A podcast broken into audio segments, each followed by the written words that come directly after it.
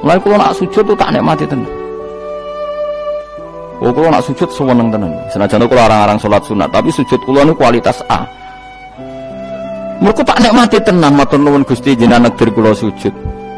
Ini identitas saya.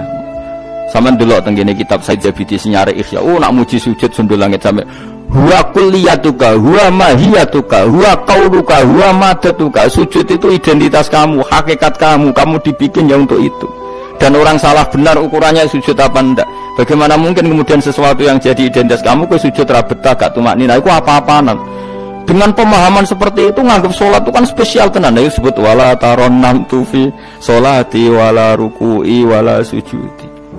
Tapi gue kan ora. Aneh